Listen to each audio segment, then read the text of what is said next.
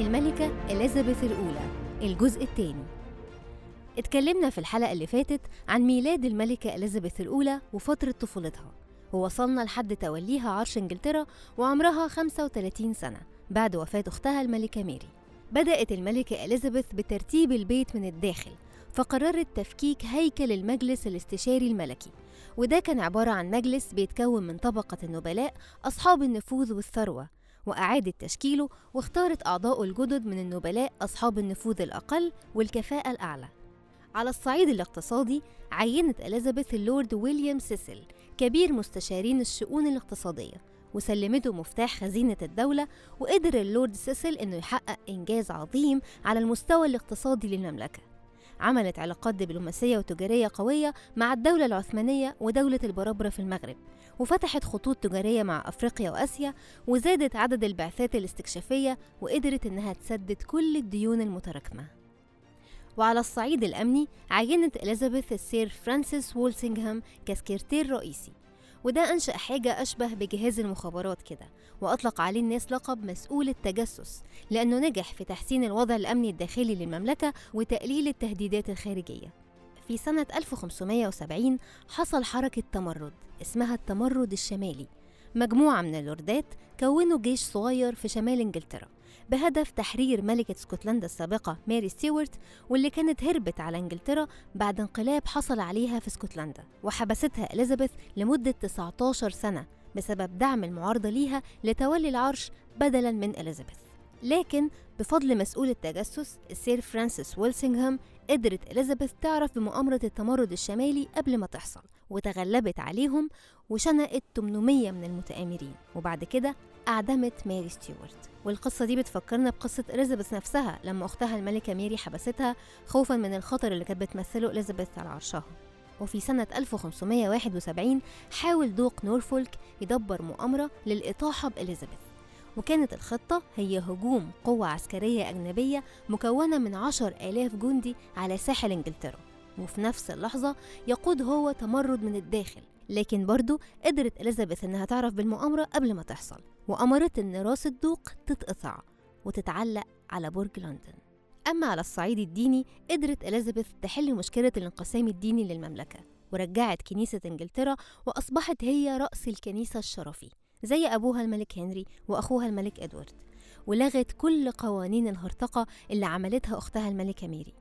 وبكده أصبحت الهوية الدينية للمملكة الإنجليزية هوية بروتستانتية لحد النهاردة.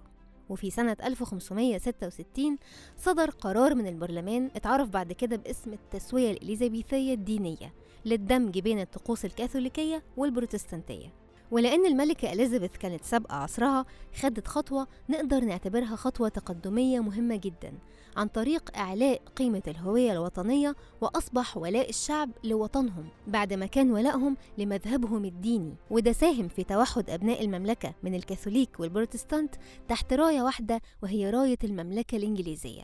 وكمان ساهم في تراجع تأثير بابا الفاتيكان على الإنجليز الكاثوليك. والحقيقة أن علاقتها بالبابا سيكتوس السادس كانت متوترة جدا وكان دايما بيهاجمها واعتبرها ملكة غير شرعية وفوق كل ده أهدر دمها.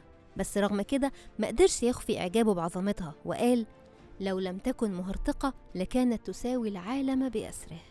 أما على الصعيد العسكري كانت أسبانيا بتمثل الخطر الخارجي الأكبر اللي بيهدد المملكة البريطانية في الوقت ده. مش بس عشان فيليب الثاني كان متجوز الملكة ميري لكن كمان للمنافسة الشديدة بين السفن التجارية للمملكتين. ورغم إن إليزابيث طردت السفير الأسباني إلا إنه قال عنها يقول الإنجليز تحكمنا امرأة لكننا فوجئنا بروح إمبراطور جبار خلف ابتسامات فتاة. وبسبب تكرار الاحتكاكات بين السفن الإنجليزية والسفن الأسبانية قرر الملك فيليب الثاني إرسال الأسطول الأسباني لإنجلترا وكانت الأوامر الملكية هي القبض على الملكة إليزابيث حية. لبست الملكة إليزابيث درع الحرب وقالت خطاب تاريخي على جنودها أنا أمتلك الجسد الضعيف لامرأة لكنني أتمتع بقلب لا يقل قوة عن أي ملك من ملوك أوروبا وسأدمر كل من يتجرأ على الهجوم على حدود مملكتي. الأسطول الأسباني في الوقت ده كان يعتبر أقوى أسطول بحري في العالم. كان اسمه الأرمادا بيتكون من أكتر من 125 سفينة حربية بيهجموا في تشكيل على شكل هلال وده كان بيخلي هزيمتهم شبه مستحيل أرسل الأسطول البريطاني 8 سفن محروقة ومليانة بالبارود ناحية تشكيل الأرمادة.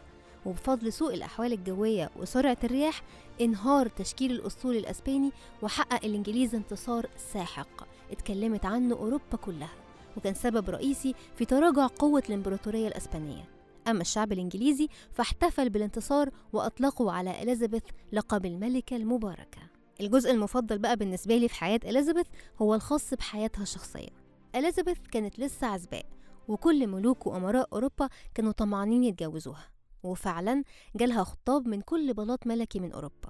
وصل عددهم ل 12 أمير وملك. كان منهم ملك السويد ملك الدنمارك دوق فنلندا أرشدوق النمسا ده غير اتنين أمراء إخوات من فرنسا حتى فيليب التاني ملك أسبانيا تقدم لها طبعا قبل الحرب.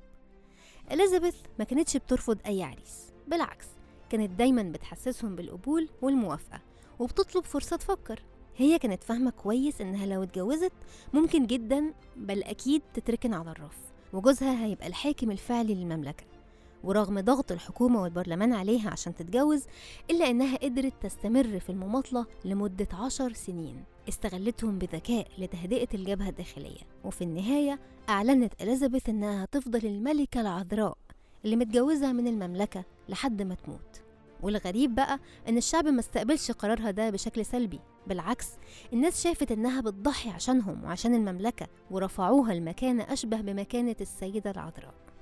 إليزابيث كمان يعني كان فيها عيوب.